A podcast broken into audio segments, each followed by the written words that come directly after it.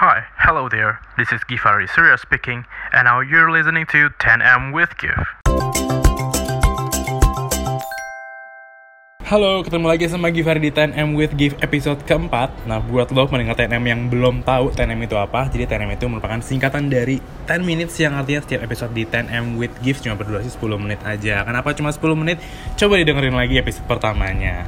Nah, di episode keempat kali ini gue udah ditemenin sama General Manager RTC UIFM Yang kelihatannya tuh kayaknya sekarang susah banget untuk dilihat batang hidungnya ya, saking sibuknya. Nah, uh, tak lain dan tak bukan, give a big drum roll for Adrian Bernantio Yogi Suara. Disama dong pendengarnya. Hai hai pendengar TNM. Iya, akhirnya sekarang ini podcastnya agak baru nih Dri. Jadi um, agak low budget kali ini ya. Jadi Eh, iya. karena emang sebenarnya nggak low budget tapi pengen lebih nuansanya lebih apa ya natur gitu loh, natural gitu. Antara natural atau merakyat ya? Iya merakyat juga Bila boleh dibilang kayak gitu Nah jadi lu ngerasa gak sih Dri kayak sekarang tuh lagi zaman zaman maba Dan sekarang mahasiswa baru udah sampai di angkatan 2019 Dan tahun depan bakal 2020 Lu kebayang gak sih kayak Kita sebenarnya di kampus ini udah cukup Bisa dibilang tua kali ya Kalau menurut lu gimana? Ya bisa dikatakan tua sih, tapi kalau gue sih tetap merasa ya I'm forever young. Eh, kayak gini-gini nih yang beda nih Jiwa-jiwa mudanya tuh Gila banget ya Seperti kata Roma Irama ya, darah muda, darahnya para remaja. Anjas. Ini quotes-nya dari Roma Irama. Makanya darahnya darah muda gitu. Itu dia.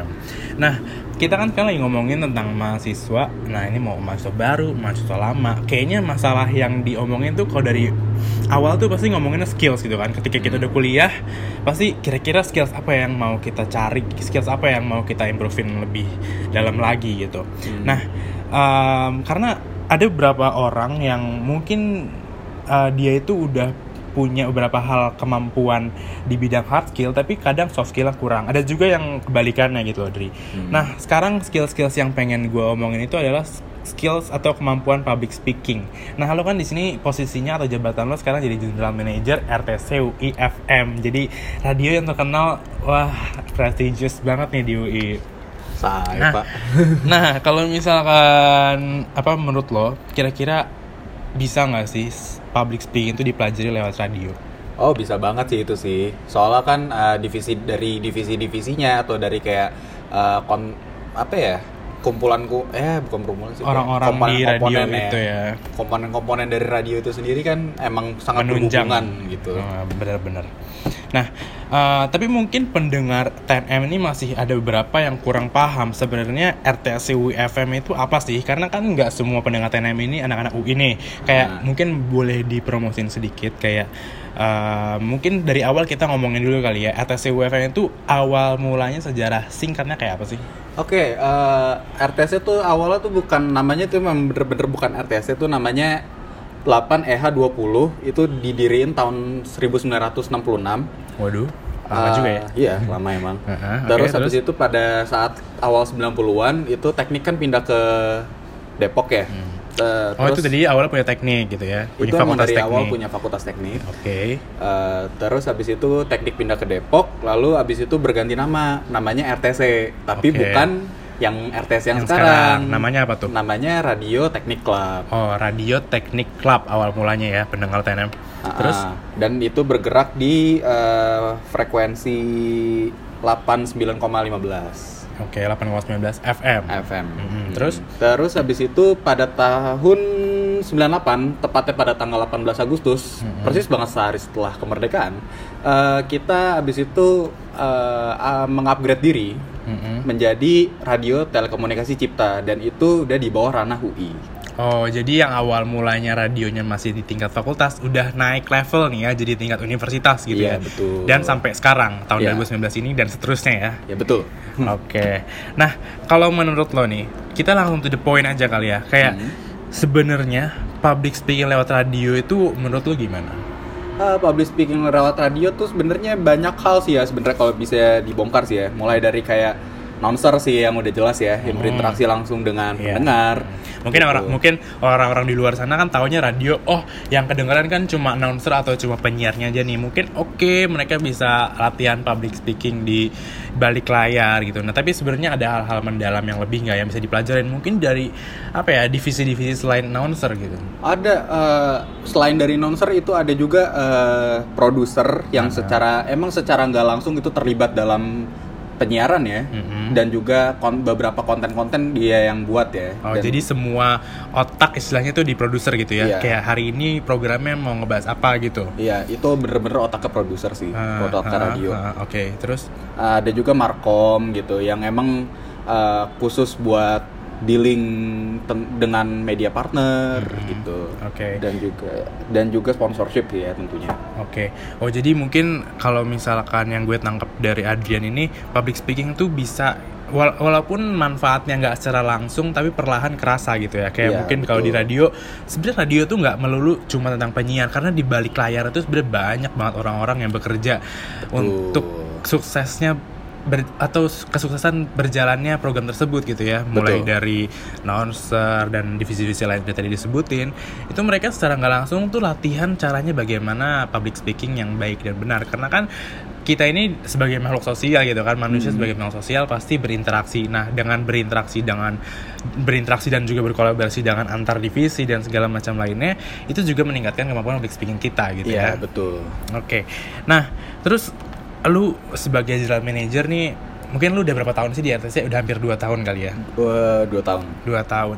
Nah, terus apa nih um, improvement yang lu dapetin setelah lu join RTC ini? Kayak kemampuan lo apa aja sih yang meningkat? apa ya gue tuh bisa lebih humble ke semua orang gitu loh gue bisa kayak uh, bahkan ngomong ke orang-orang dari berbagai kalangan baik itu yang uh, baik itu yang kalangan atas maupun yang bawah gitu gue bisa memposisikan diri gue di mana gitu Oke.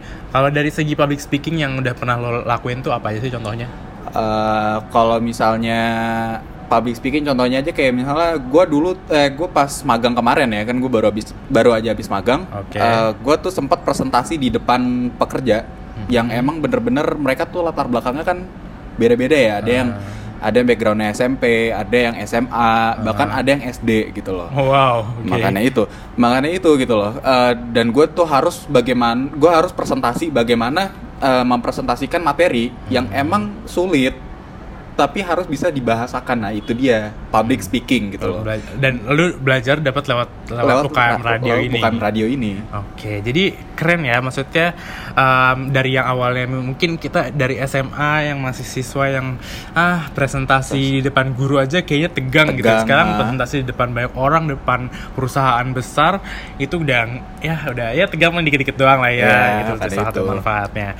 Nah, mungkin kali ini gue mau lebih sedikit promosi sedikit aja nih buat khususnya buat anak UI ya yang baru masuk khususnya maba-maba atau mungkin angkatan-angkatan 2000 berapa tuh, 18, 17 gitu ya. 17 sih Heeh. Mungkin kayak jadi tertarik sama RTC UFM ini kayak gimana dan pengen banget dapetin manfaat yang udah kayak Adrian dapetin.